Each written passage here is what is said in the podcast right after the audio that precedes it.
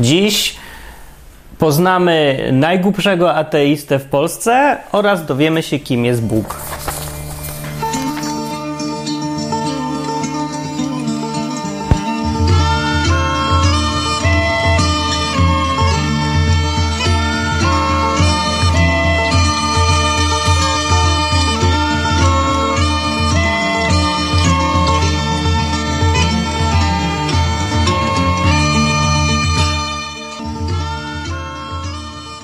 Odwyk, kolejny odcinek. Jestem wyzdrowiony, tydzień temu nie za bardzo byłem, ale dziś już jestem.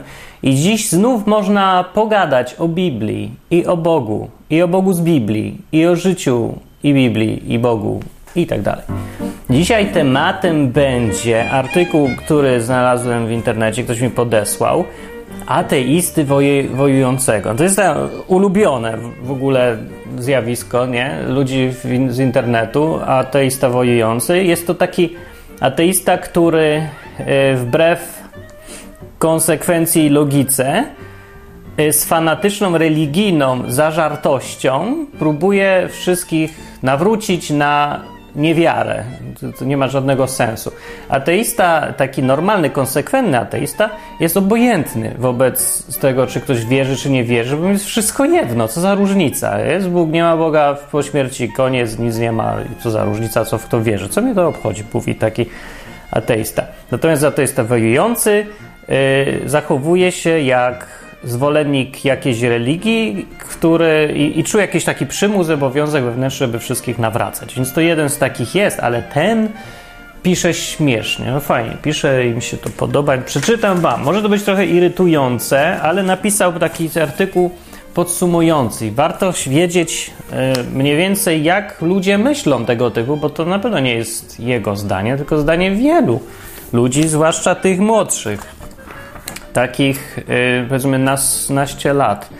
Na, taki nastolatek charakteryzuje się tym, że w sprawach Boga on wie wszystko. On już zbadał cały temat, y, że tam przez ileś wieków ludzie analizowali, sprawdzali, jego to nie obchodzi, bo on wie już sam siebie od razu widać. Nie? To jest takie podejście, coś przeczyta, o już wiem, nic nie sprawdzam, dalej nie trzeba, wiem od razu.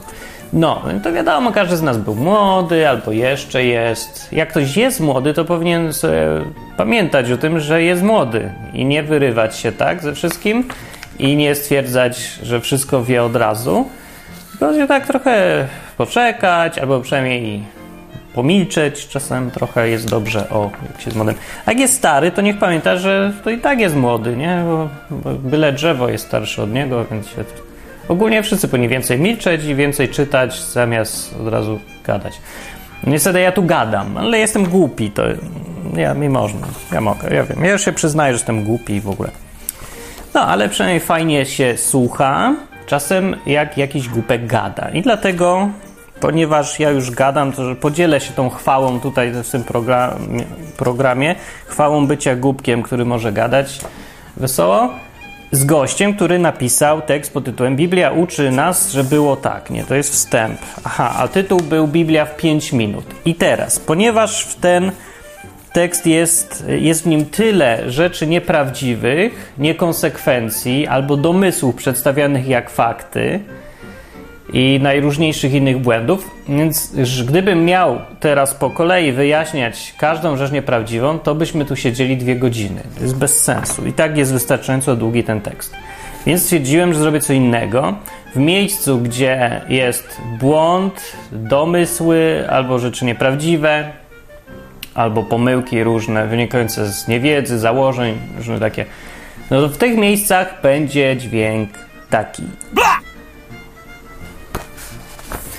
I dokładnie to już sobie musicie sami pomyśleć, dlaczego uważam, że to jest błąd. Może tam, nie wiem, jedna, dwa miejsca są jakieś dyskusyjne, może się gdzieś pomylę, ale w większości przypadków się nie pomyliłem, bo znam tą Biblię zdecydowanie lepiej niż ten koleś. Znaczy on coś tam czytał, ale no to jest problem z ludźmi, co przeczytają raz z założeniami wstępnymi i nie badając niczego dalej, przystępują do głoszenia jedynie słusznych prawd i wyśmiewania wszystkiego, co właśnie przeczytali. No, przeczytałem parę razy i nie z nastawieniem, że chcę to wyśmiać, albo że w ogóle cokolwiek chcę. Po prostu chciałem przeczytać, żeby zobaczyć, co mi powie ta Biblia. a nie żeby dowodzić czegoś, co sobie wcześniej wymyśliłem. To jest głupie czytanie, no, zupełnie nieuczciwe i wychodzi się na głupka po prostu. No zwyczajnie. Nie warto, więc ja przeczytam. Uwaga, z dźwiękami. Się y, chwilę to zajmie, ale warto wiedzieć, co ludzie myślą. Więc tak. Biblia uczy nas, że było to tak. Jahwe stworzył ogród Eden, a w nim parę ludzi, aby go wielbili. Jedyną rzeczą, której im zakazał, to jedzenie zakazanego owocu, więc aby upewnić się, że jego ukochane dzieci unikną jego gniewu i na zawsze będą mogły żyć w raju, Jahwe posadził zakazane drzewo w samym środku ogrodu. Jego owoce uczynił niezwykle atrakcyjnymi i niebiańsko smacznymi, po czym pokazał je swoim dzieciom. Wszystko to, ponieważ kochał on człowieka i chciał za wszelką cenę uniknąć wypędzania go z raju. A dla absolutnej pewności posadził on jeszcze na zakazanym drzewie super elokwentnego i mega przekonującego, gadającego, latającego węża. Ale to mu nie wyszło. Mimo wszelkich tych genialnych zabezpieczeń, sprawa się rypła. Adam i Ewa jakimś sposobem spróbowali owocu, odkryli, że to wąż mówił prawdę. Otworzą się wam oczy, a Bóg kłamał. Natychmiast umrzecie. Więc Jachwę wykopał ich z raju, aby żyli na ziemi w bólu i znoju i wielbili go stamtąd. Obciążając wszystkie przyszłe pokolenia za grzech ich pra, pra, pra, pra, pra, pra dziadków, z których te pokolenia, z którymi, z którym te pokolenia nie miały nic wspólnego. O. Ale to mu nie wyszło. Nie wyszło mu. Więc utopił wszystkich ludzi na świecie, od noworodków po staruszki, wraz ze zwierzętami i roślinami zostawiając jedynie jedną ośmiosobową rodzinę znęcającego się nad własnymi dziećmi chronicznego alkoholika Noe. Ponieważ uznał tą rodzinę za najlepszą na całej ziemi, chcąc, by wszyscy ludzie w przyszłości pochodzili od nich. O. Ale to mu nie wyszło!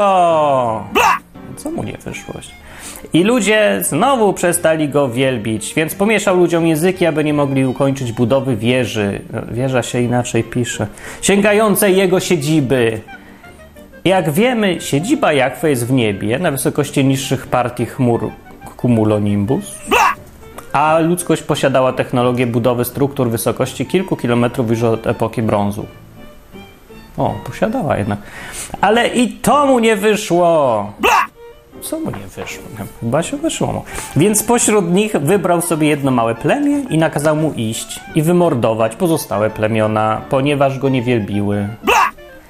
Ale i to mu nie wyszło, bo jego lud wybrany trafił w niewolę, co utrudniło im ten cały interes związany z wielbieniem Jahwe i wyżynaniem niewielbiących go plemion. Więc Jahwe zesłał na Egipt plagi, aby zmusić faraona do uwolnienia jego najulubieńszego plemienia wędrownych pasterzy, jednocześnie sam siebie sabotując poprzez odebranie wolnej woli faraonowi i uniemożliwienie mu podjęcia decyzji o wypuszczeniu Żydów. Kombinacja sadyzmu i nierozgarnięcia Jahwe drogo kosztowała fikcyjny Egipt. Na szczęście dla Egipcjan Żydzi nigdy nie byli w Egipcie, więc cała historia nie mogła się wydarzyć, nawet gdyby Jahwe nie był mitem ukradzionym zwierzeń ugarycko-kananejskiego panteonu Elohimów. Przeskakując kilka lat do przodu, jego naród wybrany Pelta, Pełta, Pełtaś? Pęta się, to się też inaczej pisze. Przez lata błądząc w kółko po pustyni arabskiej, w której przejście na piechotę zajmuje nie dłużej niż miesiąc. Jachwę wzywa Mojżesza na rozmowę w dwoje oczu, po czym daje mu 10 spośród 613 starotestamentowych przykazań. Najważniejsze z tych 10 przykazań skupiają się na wielbieniu Jachwę jako super, hiper najlepszego Boga. Wynik kompleksu niższości gnębiącego Jachwę od czasów koegzystencji w ugaryckim panteonie. Zresztą swoich braci, np. Bal i Jam, kochanką Maszerą oraz jego ojcem Elem. A pozostałe to głównie niezbyt udana kopia kodeksu Hammurabiego z Babilonu, na terenie którego Żydzi rzeczywiście byli w niewoli i skąd skopiowali pokaźną część starotestamentowych mitów, jak chociażby potop będący zerżnięciem mitu o Gilgameszu. Ale i to mu nie wyszło. No. Bo po powrocie Mojżesza do obozu okazało się, że jego lud wybrany zaczął już wielbić innych bogów. Prawda. Wystarczyło kilka dni bez Mojżesza, żeby ci geniusze, którzy sami byli świadkami wszechmocy i potęgi Jahwe, męczącego fikcyjnych Egipcjan, rozstępującego morze, codziennie zsyłającego mannę z nieba i prowadzącego ich w, mocy, w nocy słupem ognia sięgającego nieba, stwierdzili, e tam, na cholerę nam ten Bóg, zaczniemy czcić kogoś innego. A. Intelektem nie grzeszyli. Ale cóż, jaki Bóg, taki lud wybrany. Dobra, dobry, dobry, dobrze pisze. Znaczy, fajnie pisze. Je, więc Jachwy poganiał ich jeszcze po pustyni przez kilka dekad, po czym doprowadził swój lud wybrany do ziemi obiecanej. Co prawda była ona już zajęta przez inne ludy, ale nie było to nic, czego nie rozwiązałyby nakazane przez Jachwę systematyczne ludobójstwa, masowe mordy, czystki etniczne i zbiorowe gwałty. I tak powstało Królestwo Ludu Wybranego. No, dalej goś pisze o przykazaniach, ale też pomijam, przewinę to, bo już trochę nudne się robi. I końcówka leci tak. Ale i to mu nie wyszło, te przykazania mu nie wyszły. Więc tworzył on wcielenie samego siebie, aby stąpić na ziemię i poświęcić siebie samego w ofierze samemu sobie, aby obejść prawo stworzone przez samego siebie, aby móc nam wybaczyć. Na Zamiast, zamiast po prostu wybaczyć i zapomnieć, jak każdy normalny, kochający, niepatologiczny, niepsychopatyczny i niemizogeniczny rodzic. No. Ale i to mu nie wyszło. I dzisiaj najszybciej rosnącą na świecie grupą wyznaniową są niewierzący, a wiarygodność istnienia Jachwy nie przewyższa wiarygodności istnienia Doliny Muminku. No,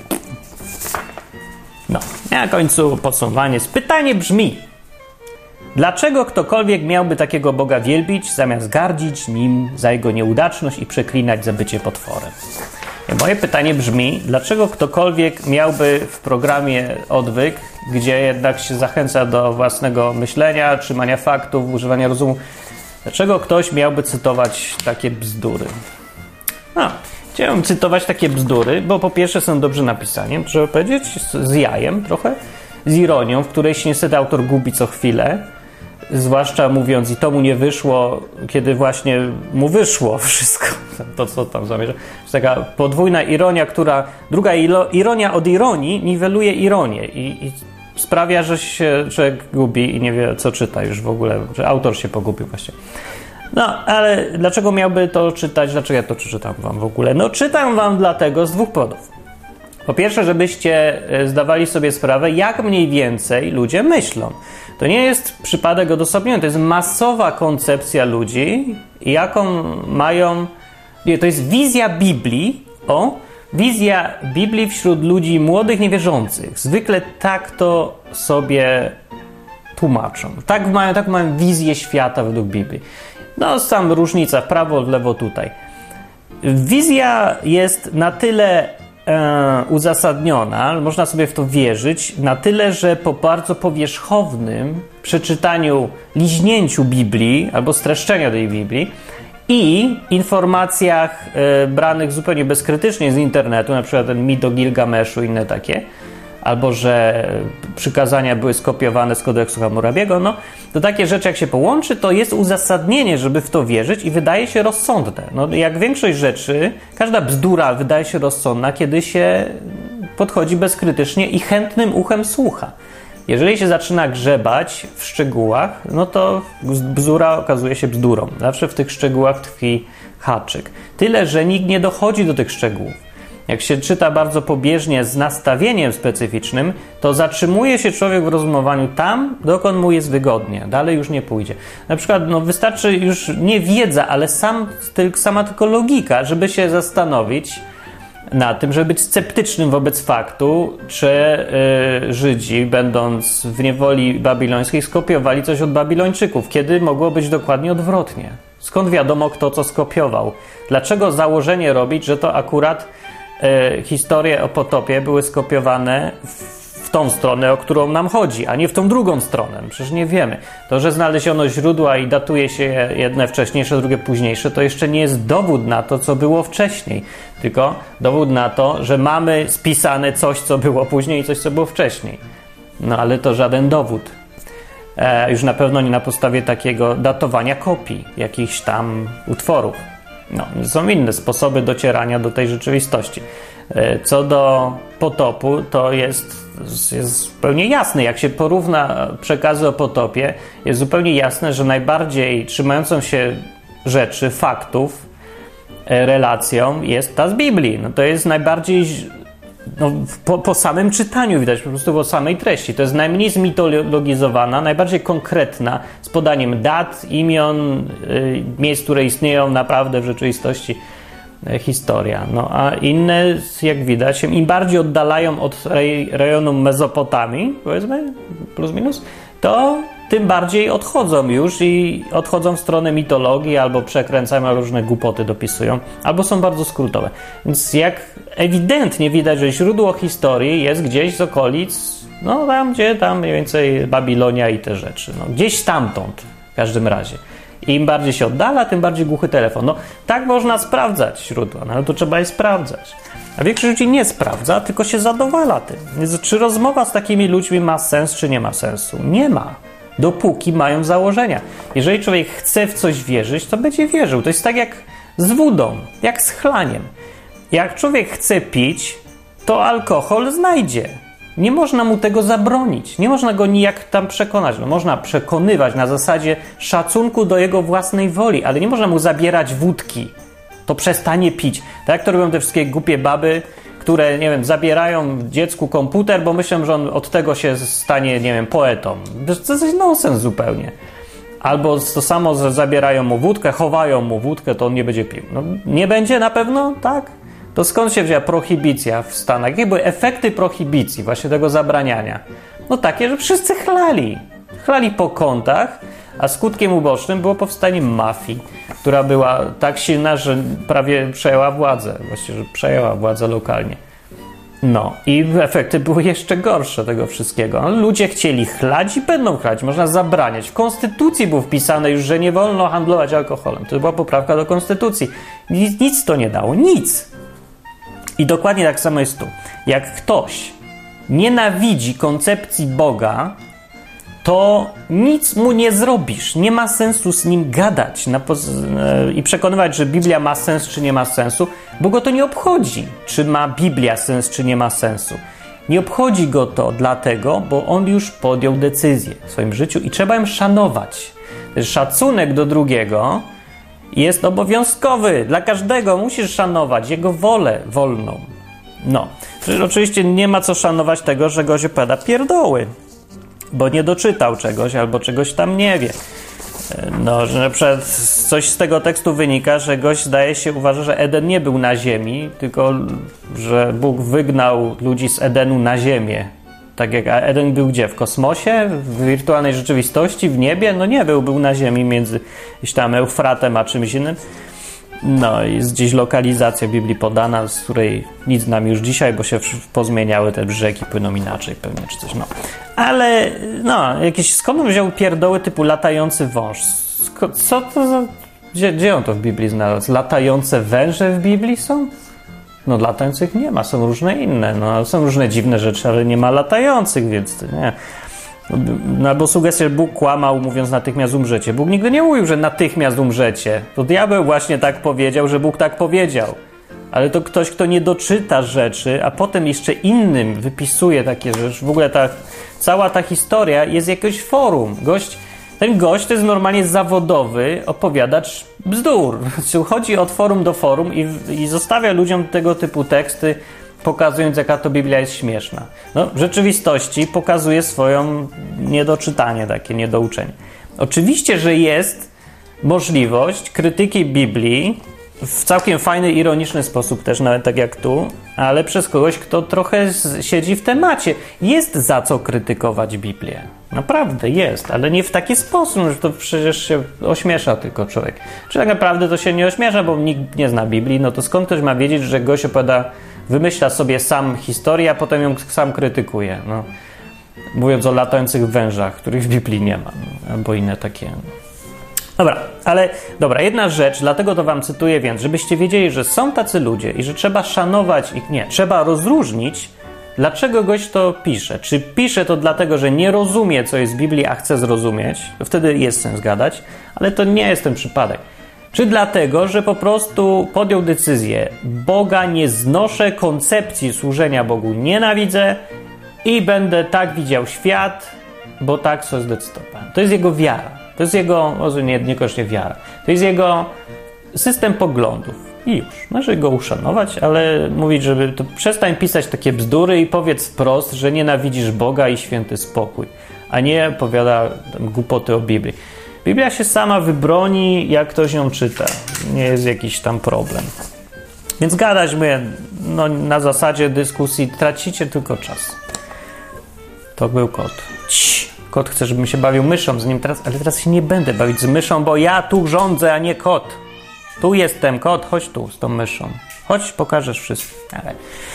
E, druga rzecz. Druga rzecz. Postulat główny tego gościa akurat jest prawdziwy. Pomijając te wszystkie głupoty. E, pytanie brzmi, dlaczego ktokolwiek miałby takiego Boga wielbić? Zamiast gardzić nim. Za jego nieudaczność, akurat nieudaczność, to nie wiem, no wszystko co on mówi, że mu nie wyszło, to mu akurat wyszło, no. Chciał zabić wszystkich ludzi w czasie potopu? Wyszło mu, zabił wszystkich, nie, no to wyszło. Co tam, e, że Jezus ofiary nie złożył? No zrobił, złożył ofiarę, nie wyszło mu, wyszło mu, no wszystko mu wyszło właściwie, więc nie wiem dlaczego nieudaczny. Ale przeklinać za bycie potworem. O. E, według tego gościa w ogóle normalny i kochający rodzic to jest taki, który po prostu wybacza, nie dotrzymuje słowa, łamie swoje własne obietnice i wszystkie własne zasady traktuje jak śmieci jak ścierkę. Ja mogę coś mówić, ale dziecko powinno uznać, że w ogóle nie warto mnie słuchać, bo moje słowo jest guzik warte. To to jest normalny, kochający rodzic, się okazuje teraz. Eee, no ja bym go zupełnie inaczej nazwał. Może normalne to jest, ale to nie powinno być normalne i o kochaniu nie świadczy, tylko o zupełnie innych cechach takiego rodzica i wcale nie tak pozytywnie się kojarzących. Jakbym ja był dzieckiem, ja bym wolał y, ojca surowego, jakbym sobie miał wybierać jakiegoś ojca, to bym wolał mieć takiego, który będzie surowy, ale sprawiedliwy. Taki, który wiem, że zawsze dotrzyma słowa. Że jak coś powie, to jest jak skała. Niż takiego, co gada raz jedno, za chwilę robi co innego, wszystko mi wybacza i w ogóle robię se co chcę. Że właśnie to w ogóle nie jest ojciec, tylko to jest mój niewolnik prywatny, bo co ja bym nie zrobił, choćbym nie wiem kogo zabił, pobił, otruł, opluł, to on zawsze powie, a spoko, fajnie, to ja ci nic nie zrobię, bo cię tak kocham. Nawet jeżeli wcześniej zapowiada, że jak oplujesz kolegę, to dostaniesz w tyłek. No, to wtedy taki ojciec przychodzi, mówi, co prawda mówiłem tak, ale mam to w nosie, co mówiłem i, i wybaczam ci, idź pluj dalej. No to jest yy, kochający ojciec według autora tego. No, pomija zupełnie fakt, najważniejszy w tym wszystkim, że gdyby wszyscy ojcowie byli kochający, to dzieci by się pozabijały nawzajem. Więc ta miłość ojców y, polega na tym, że ma, ignorujesz wszystkich pokrzywdzonych tego świata dlatego że kochasz tego, kogo nie wiem, nie, nie wiem o co tu w ogóle chodzi. Mi się wydawało, że miłość, taka ogólna miłość do ludzi, powinna polegać na tym, żeby y, doprowadzać, nie, żeby nie krzywdzić ich, żeby robić tak, żeby oni nie byli krzywdzeni. Miłość polega na tym, żeby krzywdziciela ukarać albo żeby go odsunąć. Przynajmniej, żeby nie krzywdził innych, żeby krzywdzicielowi powiedzieć nie a ofierze powiedzieć jej bronić, bo na co nie zasłużyła. I to w ogóle to się przykro patrzy, że kto, jak ktoś cierpi, no ale ktoś ewidentnie musi. Bez karania, bez żadnego cierpienia. By było super, tylko że mówię, ludzie się nie nadają do tego, no, bo są za głupi jeszcze trochę. Nie można ich po prostu zostawić całe zło i popatrzeć sobie, a oni sobie to rozwiążą jakoś. No. Bez, niektórzy ludzie po prostu są wredni i tych niektórych trzeba coś z nimi zrobić. I na tym to jest też efekt miłości właśnie, do, ale nie do krzywdziciela miłości, tylko do ludzi, którzy sobie nie zasłużyli miłości. No, no ale dobra. Dlaczego właśnie o tym mówię? Jakoś tak mi się dygresja skojarzyła, ale on miał pytanie dobre. Dlaczego ktokolwiek miałby Boga wielbić? I to jest ważne pytanie i tutaj goś trafił w sedno, bo to jest bardzo uzasadnione pytanie. Jaki jest Bóg? Według tego faceta, kto to pisze, ateisty, Bóg jest egoistą skrajnym, jest narcyzem. I tak popatrząc, patrząc na Boga, na charakter Boga, jaki Bóg jest w Biblii. Bóg w Biblii, takiej tej autentycznej już Biblii, nie tej powymyślanej przez ateistów, co sobie mają w głowie, ale prawdziwej Biblii, Bóg jest narcyzem. I to jest, to trzeba zaakceptować, panie dzieju. Wiem, że to może nie podoba niektórym, to teraz brzmi, herezja, herezja. Żadna tam herezja. Bóg się sam przyznaje. Sześć razy w Biblii Bóg mówi, że nie dzielę się swoją chwałą z nikim. Sześć razy, podkreśla to. I to podkreśla tak jednoznacznie. To nie jest jakieś takie wzmianki, to jest wprost. Powiedziane głośno z ambony. Ja jestem Pan, takie jest moje imię i moją chwałą nie dzielę się z nikim. Z nikim.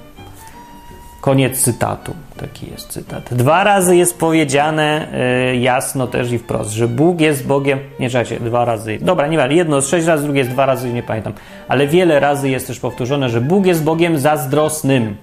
W jednym miejscu jest powiedziane: Ja jestem Bogiem zazdrosnym, takie jest imię moje. Takie, jakoś tak powiedział. Najpierw, aha, ja jestem Bóg, którego imię jest zazdrosny i jestem zazdrosny. Tak to powiedział jest zazdrosny i yy, co chwilę padają stwierdzenia typu ja jestem Pan, ponad mną nie ma nikogo, ja jestem największy, najwyższy, najsilniejszy, naj, naj, naj, naj, naj. To jest cecha narcyza, no po prostu na tym to polega, nie? Bóg się chwali, przechwala się. No przechwala się. No, no nie, nie ma jak tego inaczej określić. Tak, tak robi. Gdyby tak robił człowiek, to byśmy stwierdzili, no to jest, to jest przesada na maksa. To po prostu jest narcyz totalny. Zapatrzony w siebie gość niczego nie widzi poza sobą. Nie? Jeżeli się chwali, przechwala i niczym innym się nie zajmuje. Nie, no niczym się tam zajmuje, ale takie nastawienie by było wyraźne i waliłoby po oczach, gdyby to mówił to samo ktokolwiek poza tym Bogiem z Biblii. Jak mówi to Bóg z Biblii, to patrząc okiem takiego y, ateisty na przykład, takiego gościa z zewnątrz. To rzeczywiście to widać. To dobrze jest czasem posłać takich ludzi, bo możemy zauważyć coś, czego my nie widzimy, e, bo mamy inny punkt widzenia. Ale gość zauważył trafnie, że Bóg jest narcyzem. Bóg jest egoistą skrajnym. Bóg wymaga w ogóle czegoś. Uważa się za najwyższego. Jak Bóg przysięgał raz, nie miał na co przysiąść, a chciał, nie miał już na co przysiąc. Przysiąc? Przysiąść, przysiąc. Nie miał. Yy, przysiąg na siebie samego. Dlaczego? Bo na nic większego się nie da. Takie on ma pojęcie. Nie ma nic większego ponad Bogiem. Że musi nawet na samego siebie przysięgać, bo już nie ma na co przysiąc. Na wszechświat, na czas, na Big Bang. Nie ma, nie ma większego. Ja jestem największy. Tak mówi Bóg. I wcale się tego nie wstydzi i nawet y, nie, nie, czuje żadnej potrzeby skromności, nic i w ogóle. Zresztą Jezus jak był na ziemi, to odstawiał dokładnie ten sam numer. Zwróćcie uwagę. Tak było przecież. Nagrywa się, nagrywa. Yy, chodził i też opowiadał, że to synem Bożym, że zanim był Abraham, to ja byłem. Jaki wywołał tym skutek? Drażnił wszystkich dookoła, no aż go zabili w końcu. No przecież to to tak irytowało tych ludzi. I powiedzieli mu wprost, jak to Jan opisuje, podczas któregoś tam jednego z tych ostatnich sądów, jakie nad Jezusem się odbyły, to mówili, że za to go sądzą, że będąc człowiekiem uważa się za Boga. I uważając się za Boga, pokazuje swoją pozycję jako pozycję ponad w ogóle wszystkimi. No tak się pokazywał, nie? Wcześniej niż Bóg był, nie, wcześniej niż Abraham był, ja jestem, w ogóle ja jestem. Tak jak to Bóg mówił dokładnie. To w ogóle to, jak Bóg się określa, ja jestem. To już pokazuje ten jego cały narcyzm. Ja! Nie ma nic. Ja! To ja, to ego. Ego Boga jest większe niż cały wszechświat. Nie jest? Jest, no sorry. Ale za co tu być sorry? Ja nie wiem za co sorry. Pytanie właściwie, co nas drażni w narcyzach? Trzeba sobie zadać pytanie. W takich ludziach, ludziach, już ludziach narcyzach, co mówimy, ja, ja jestem tu większy, patrz na mnie. Taki, wiecie, tam, jakiś, nie wiem, wojewódzki, mówią, że to narcyz, czy ktoś. Może, nie wiem. Ale zarzuca się wielu ludziom, że, yy, że są tacy zapatrzeni w siebie. Dlaczego im się zarzuca? No, zwykle dlatego dwa powody. Pierwsza to, że ich przechwalanie się, wywyższanie się jest yy, nieproporcjonalne do rzeczywistości. Taki jest powód. Czyli, że oni w rzeczywistości są miernotami, albo przynajmniej przeciętni, a stawiają się jako, kogoś, jako ktoś wielki. Nie? I wychodzi śmieszna jakaś sytuacja, że przychodzi jakiś kurdupel mentalny i mówi: Jestem gigantem. No i wtedy właśnie jest ta sytuacja. Drugi przypadek, dlaczego narcyzm denerwuje? Bo jesteśmy zawistni, bo mu zazdrościmy. Bo to jest geniusz i mówi: Jestem geniuszem. Taki, wiecie, Sherlock Holmes z tego serialu brytyjskiego nowego, to taki gość był. Ja jestem geniuszem, ja o tym wiem. I ja mówię o tym, a ty jesteś głupi. I wszyscy inni są głupi w porównaniu do mnie. Taka cecha, nie? No, ale to on miał rację w tym wypadku. Ale co z tego? Dalej irytowało to ludzi, no przecież to denerwuje. Dlaczego? Bo jesteśmy zawistni. Zamiast powiedzieć, no tak, jesteś geniuszem. Sorry, trudno, jestem głupszy. No kto ci tak powie? Nie, ja nie jestem głupszy, ja też wiem. Tak? To pokaż. Zagrajmy w szachy. E, no, nie mam czasu. No to jesteśmy, nasza zawiść po prostu każe nam piętnować narcyzów, tych, co mają rację w byciu narcyzami. I teraz w przypadku Boga, albo mamy punkt pierwszy, albo punkt drugi. Dlaczego miałby nas irytować to, że Bóg jest, ma wielkie ego? Nie zakładając, że to jest ten Bóg z Biblii. Przypomnę, że to jest ten Bóg, co stworzył niebo, ziemię, czas, wszechświat, materię, energię, wszystko i ludzi, i nas. I ten jest właśnie pośrednio odpowiedzialny za absolutnie wszystko, co się dzieje już teraz. Pośrednio, bo po prostu zapoczątkował to, co umożliwia dzianie się rzeczy. No więc wszyscy mu zawdzięczają coś. No. Zgodnie z Biblią. Czy w taki Bóg z, takiej, z takiego przekazu biblijnego, powiedzmy, czy on nie ma prawa mieć wielkie ego? No ma prawo jak najbardziej. Choćby nie wiem, jak wielkie miał ego, to i tak ma jeszcze za małe. No bo to po prostu nie da się. No wszystko się na nim opiera teraz, więc może się wywyższać jak tylko chce. I będzie miał dalej rację. No to, że się nie gada wyłącznie o sobie, to jest tylko jego, jego y, wolna wola, jego dobra wola, że nie gada dzień i noc o sobie, tylko co jakiś czas przypomni, kim jest.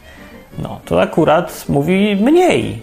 Mniejsze ma ego niż w rzeczywistości na nie zasługuje, tak naprawdę. Jest skromny, krótko mówiąc, mimo że to i tak, y, jak patrzymy na to, jak on się wywyższa, to to jest przenarcyz. Ale i tak go jeszcze za mały. No, no to drugi przypadek pozostaje, po prostu mu zazdrościmy, że nie jesteśmy bogami.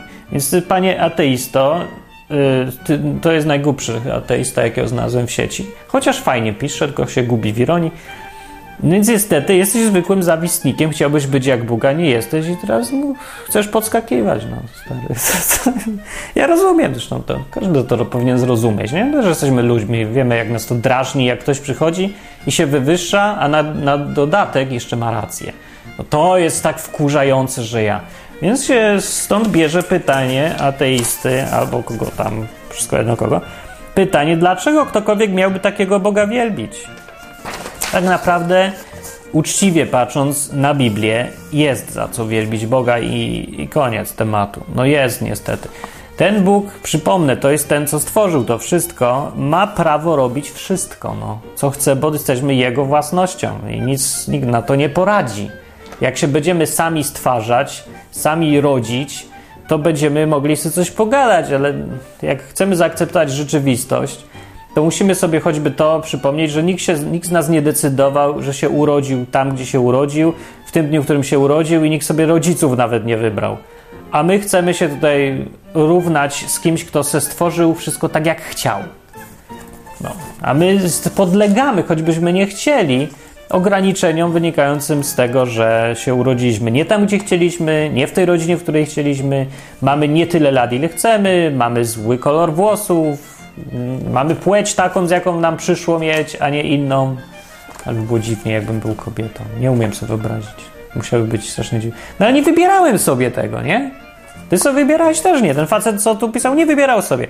Ale jednocześnie chce móc dyskutować z Bogiem jak z równym.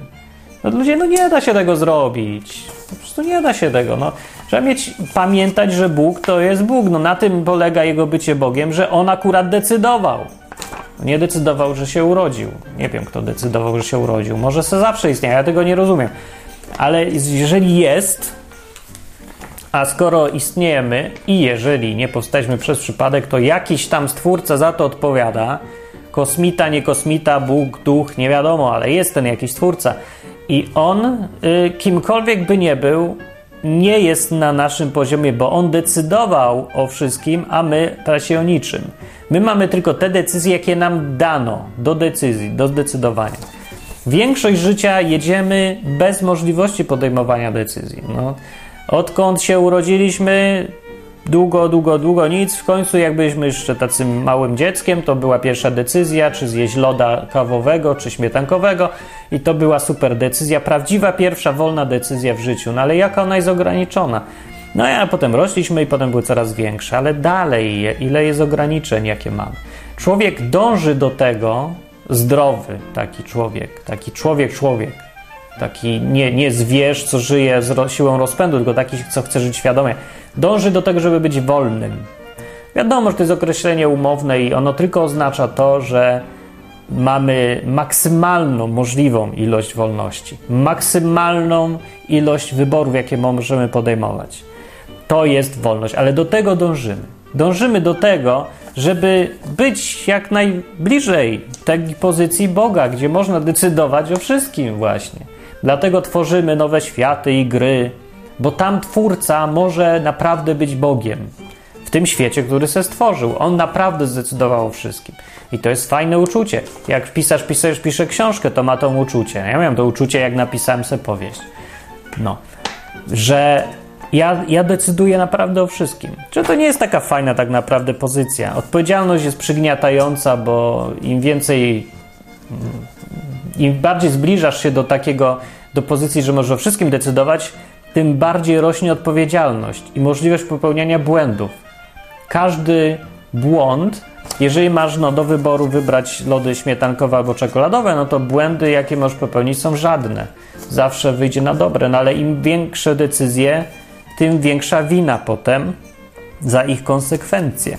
Człowiek nie jest w stanie tego unieść, przeciętny człowiek, zwykły człowiek. Więksi ludzie, więksi duchem są w stanie unieść większą odpowiedzialność, robić coś i patrzeć na konsekwencje, często straszne, swoich decyzji. A im większe decyzje, tym konsekwencje są większe. I nie, nie, nie kontroli. Nie jesteśmy w stanie nimi kontrolować tych decyzji. No, więc Bóg jest w tej sytuacji, gdzie może, bo jest jakiś zaawansowany widocznie technologicznie ten Bóg i jak podejmuje decyzję, to zdaje sobie sprawę z konsekwencji, ponosi też te konsekwencje. Wie, że no, co, rzeczy się muszą dziać tak, jak się muszą dziać. Nie da się zrobić, żeby było idealnie. To nie jest świat bajki, że jedna decyzja i wszyscy są szczęśliwi. W większości przypadków jest jedna decyzja i 95% jest szczęśliwa, a 5% ma źle. I to jest i tak super decyzja. Gdyby tylko takie decyzje były do podejmowania, to by było w ogóle super, ale i tak, co powie te 5%? Że jesteś niesprawiedliwy, że niesprawiedliwie cierpię? No pewnie tak. Ale da się inaczej zrobić to? Wymaga się od Boga rzeczy niemożliwych, nieistniejących w rzeczywistości. Albo wymaga się od Boga, żeby był nierzeczywisty, żeby działał w rzeczywistości bajki, a nie w rzeczywistości naszej rzeczywistej. Tak samo od polityków się tego wymaga, nie? Żeby zrób polityk tak, żeby było dobrze. Nie da się zrobić tak, żeby było dobrze, żeby wszyscy mieli pieniądze, pieniądze to będzie inflacja. Będzie inflacja, to wszyscy stracą pieniądze. Nie da się. Ale co mnie to obchodzi? Jesteś od tego politykiem, żeby się dał. No I to jest nasze głupie oczekiwanie rzeczy niemożliwych, bo za dużo filmów oglądamy już. Potem myślimy, że tak jest. No, więc ogólnie ja chcę to jego gadanie ateisty sprowadzić do problemu tak naprawdę, jakby tak uczciwie popatrzeć. To taki ateista, co se tam wymyśla, że Biblia jest zła, Bóg jest potworem, jemu chodzi tak naprawdę o to, że on nie ma ochoty służyć. Odmawia życia w takiej rzeczywistości, akceptowania takiej rzeczywistości, w której zawdzięcza jakiemuś Bogu cokolwiek odmawia stwórcy prawo prawa do dysponowania swoim stworzeniem. Bo, a jak to uzasadnia? No, jest tu pewien, jest to trochę, jest to uzasadnione, bo on jako stworzenie, on już jest odrębnym bytem niż Bóg. On ma własną wolę. Jego świadomość mówi mu, że ja mam prawo też robić to, co chcę.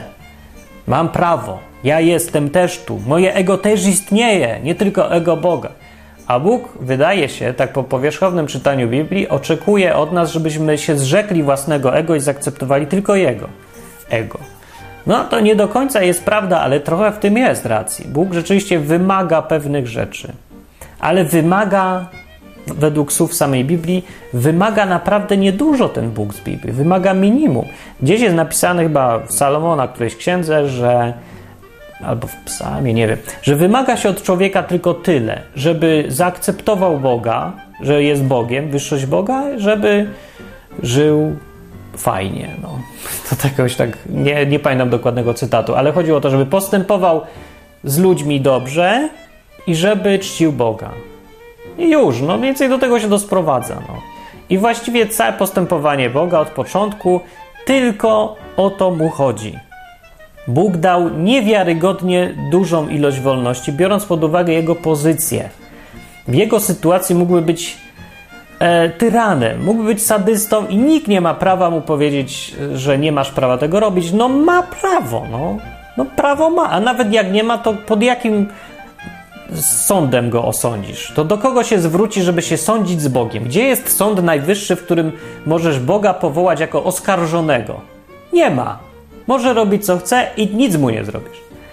Więc może, ale jego wolą jest to, żeby żyć na innych zasadach. I to jest chyba nieunikniona konsekwencja bycia stwórcą, bo stworzenie czegoś, żeby to zaraz niszczyć, albo żeby tylko pokazywać, że się jest wielkim, nie ma za bardzo sensu na dłuższą metę. Po prostu jest nudne jakieś. Nie ma sensu. Dużo ciekawszą rzeczą jest wchodzić w relacje partnerskie.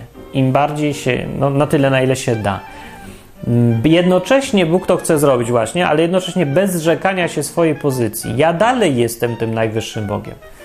No i to widać też to bardzo w Nowym Testamencie. Jak Jezus chodził, to on właśnie żył w tym dualizmie takim, że mówił już do swoich uczniów, że nazywam was już przyjaciółmi nie, w którymś momencie. Chciał się do nich zbliżać, jak tylko się dało zbliżać, a z drugiej strony cały czas swoje ego miał takie wielkie. Jestem Bogiem, jestem najwyższym. Sugerował, nie mówił tak wprost. Ale to, co mówił wprost, było i tak wystarczająco irytujące dla wszystkich dookoła. Jakby zaczął mówić wprost, hej, ja jestem Bogiem, po prostu i już, no. To przecież by go zabili od razu przed czasem. Nikt by nie, nie zniósł czegoś takiego. No, to jak mówię, drażnią nas narcyzi. Bóg też drażni ludzi z tym swoim wielkim ego. No. Yy, czy Bogu nie wyszło? On tutaj ciągle mówi, no nic Bogu nie wyszło. Ja mam dokładnie odwrotne wrażenie, że wyszło mu absolutnie wszystko mu wyszło, ale jego plan był długi, rozbudowany i pokręcony był. Nie był jakiś prosty, że a, robię od razu i święty spokój. Ten, kto to pisał, on chciałby widzieć Boga jako kompletnego prymitywa, który idzie najkrótszą możliwą drogą do celu, najprostszymi środkami, a najlepiej robi po drodze rzeczy, które są niemożliwe. Na przykład, nie wiem, jest kochającym ojcem, ale nikogo nie każe i wszyscy się na ziemi mordują, a on se patrzy i na tym polega jego miłość. I to to jest dziwna wizja Boga, ale jak to chce, proszę bardzo. No, więc ja mu tam nic, wszystkiego najlepszego życzę i w ogóle. Do, podsumowując, to chciałem tylko powiedzieć tak, że Bóg jest egoistą, egoistą, jest egocentrykiem, jest, jest. Nie znaczy, że nie kocha innych. Bardziej mi chodzi o to, że jest narcystyczny bardzo uwielbia mieć własną chwałę dla siebie i ta jego własna chwała jest dla niego motorem działań. Jest, według Biblii. E, I właśnie wszystko, co robi, wszystko, co się ma dziać, ma się doprowadzić ostatecznie do chwały Boga. Ta chwała to nie tylko oznacza, że wszyscy robią tak, o Bóg, jesteś wielki, jesteś wielki, bo to jest nudne, to w ogóle nie jest chwała, to jest jakiś prymityw. Nie, chwała Boga ma polegać na na tym, że wolni ludzie, wolne stworzenia, byty, z własnej woli podziwiają go. To jest chwała. Wtedy na tym polega ta chwała. Nie polega na mechanicznym oddawaniu pokłonów, nie polega na klepaniu powtarzalnych jakichś tam czynności, rytuałów czy coś. Polega na prawdziwym, szczerym podziwie dla tego Boga. Dlatego robi to, co robi. No oczywiście nikogo się nie da zmusić. Fakt, że taki ateista pisze sobie, co chce i piorun z nieba go nie trafia, jest najlepszym dowodem postawy, uczciwej postawy Boga. Postawy kogoś, kto e, akceptuje wolność w wyborze człowieka. Wiecie co, bo są tacy ludzie, nie? Często jak się mieszka z nimi, to to, to wychodzi, że z nimi jest, cudownie jest z nimi żyć pod warunkiem, że się z nimi zgadzasz. To wtedy jesteś wolny i rób co chcesz, ale spróbuj zrobić coś inaczej niż ktoś chce. Na przykład, nie wiem, ty chcesz mieć w pokoju zimno, mieszkasz w tym samym pokoju co on, a on chce mieć ciepło. I zobaczy, co się wtedy stanie. Dopiero wtedy się okazuje, czy ktoś rozumie koncepcję, co to znaczy mieć inne zdanie i co to znaczy akceptować wolność drugiego człowieka, czy nie. No i często w takich sytuacjach dopiero wtedy wychodzi, że ktoś jest tyranem, po prostu nie znosi, żeby mu się sprzeciwiać. A to, że mówi, że a niech sobie każdy żyje jak chce, to tylko w sytuacjach, kiedy akurat przypadkowo wszyscy mają to samo zdanie co on. To wtedy nie ma problemu, w ogóle wtedy nikt nie ma problemu. No, no i więc dlatego y, wtedy widać, wracając do Boga, po takich sytuacjach, że co Bóg robi z tymi, którzy mu się sprzeciwiają, potem można poznać, czy to, no, czy on akceptuje rzeczywiście fakt, że człowiek może wybierać, czy zmusza człowieka do tego, żeby go podziwiał z własnej woli, no bo to wtedy byśmy, no by nie było już takie uczciwe. Fakt, że jest tyle zła na świecie ciągle, a Bóg jeszcze nic nie robi, świadczy o tym, że Bóg tą wolę naszą bardzo szanuje. E, to jest to, że wszyscy ludzie, większość ludzi może mu krzyczeć, że a mam cię w dupie, Panie Boże, i co mi zrobisz? No i Bóg mówi, nic ci nie zrobię, masz prawo mieć mnie w dupie. Teraz ci nic nie zrobię. Ale ostatecznie, z powodu właśnie tego, że no, e, jednak Bóg swoją, swoją chwałą mnie pogardzi i doprowadzi do tego, żeby wygrał to wszystko na końcu, Ostatecznie, po cierpliwości długiej, po latach, po wiekach czasem cierpliwości, zawsze ostatecznie zareaguje. No i to jest jedyne, co może zrobić Bóg, który jednocześnie jest rozrywany przez dwie tendencje. Z jednej strony chęć bycia podziwianym przez wszystkich z własnej woli, a z drugiej strony e, kocha wolną wolę, tą wolność dla innych. Chce, żeby wszyscy robili co chcą, z drugiej strony chce, żeby oni go podziwiali. I więc to jest jedyny sposób, jaki może pogodzić, że pozwala im przez jakiś czas być swoimi wrogami, bo mają prawo być swoimi wrogami, ale ostatecznie do końca świata to tak nie będzie. Do końca świata to on wygra, więc jego narcyzm taki jest, jest tą ważniejszą cechą ostatecznie i to jest sorry, tak po prostu jest.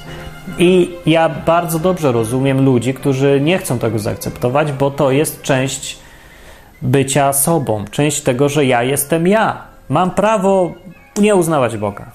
To jest dziwne takie, no ale to jest kwestia już wyboru. Ja nie wiem, na jakiej podstawie człowiek jeden wybiera, że, że chce podziwiać Boga, akceptować to jego wyższość i zwierzchność, a drugi mówi nie. Ja też jestem Bogiem, bo jestem, bo mam prawo, bo mogę powiedzieć ja, bo mam swoją świadomość bo jestem niezależnym bytem. Ja walczę o swoją niezależność. W ich rozumieniu to jest walka o własną wolność. Ja to trochę inaczej rozumiem. Ja akceptuję fakt, że zależę osobiście, że nie urodziłem sam siebie. Po prostu akceptuję ten fakt. To jest taka, może wszystko się myślę sprowadza ostatecznie do tego, czy wybierasz pychę, czy pokorę. Pycha polega na tym, że ja mówisz, ja jestem niezależny, ja jestem Bogiem sam dla siebie i mam prawo, ogłaszam swoją niezależność. A pycha, a ta, nie, ta pokora polega na tym, że akceptujesz fakty. Że fakt, że sam siebie nie urodziłeś, nie od ciebie zależy, że w ogóle żyjesz, że twoja, fakt, że możesz powiedzieć ja, zawdzięczasz temu, kto cię stworzył, o ile w ogóle akceptujesz fakt, że ktoś cię stworzył, i, no i mówisz, no sorry, chciałbym może być własnym Bogiem, ale nie jestem. Więc akceptujesz rzeczywistość i oddajesz pokłon temu, który cię stworzył. I to są te dwie postawy.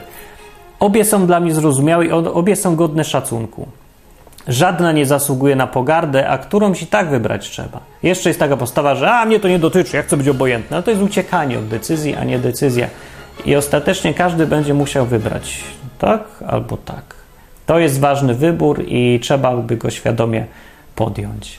I jak mówię, nie oceniajcie ludzi źle za to, że podjęli inne decyzje. To raczej może być, nie wiem, powód do smutku czy czegoś, jakiegoś żalu, że musimy w ogóle wybierać takie rzeczy, no ale no jak mówię, sami siebie nie stworzyliśmy. Fajnie by było, ale tak nie ma. No. I to tyle na ten temat. To był odwyk taki e, narcystyczno-ateistyczny. Piszcie komentarze, piszcie co myślicie na ten temat. Jak ktoś chce, niech wyśle to ten odcinek komuś, nie ateiście czy coś, ale wątpię, że będzie chciał tego posłuchać. Ale dobrze by mu to zrobiło, nie? Żeby pomyśleć nad tym i żeby też wiedział, że ludzie, którzy wierzą w Boga, mają szacunek do ateisty za to, że odrzuca Boga. Bo ja mam za to szacunek. Ja wiem, że no, według mnie to, to się źle skończy dla nich, ale ja szanuję ich, bo ja jestem zbyt tchórzliwy, żeby się zbudować przeciwko Bogu, bo ja wiem, że przegram. Że to, to jest samobójstwo. No, czasem, no więc no mówię, szanuję człowieka za świadome samobójstwo w dłuższym rozrachunku, za bunt przeciwko Bogu, który nie ma szans, ale wynika z tego, że, że człowiek chce być niezależny, że chce być wolny, ale nie jest. I tak. Do końca. Trochę jest, no jest w jakimś tam zakresie. No po prostu, dobra, nie wystarczy. Komentujcie, wspierajcie odwyk, żeby mógł dalej być. E, no i do następnego razu. Aha, a na żywo wieczory odwykowe, godzinki, bo godzinkę trwają, są we wtorki o 8 i teraz będą już, o ile jak dobrze pójdzie, na żywo z obrazem będą. Będzie można gębę obserwować i dzwonić można też, można dzwonić przez webkamerę i też się pokazać. No takie łatwiej gadać, tak się człowiek bliżej jest z człowiekiem, jak się go widzi trochę, nie? Tak mi się zdaje. No to zapraszam też do pogadania na żywo we wtorki o 8. No to cześć.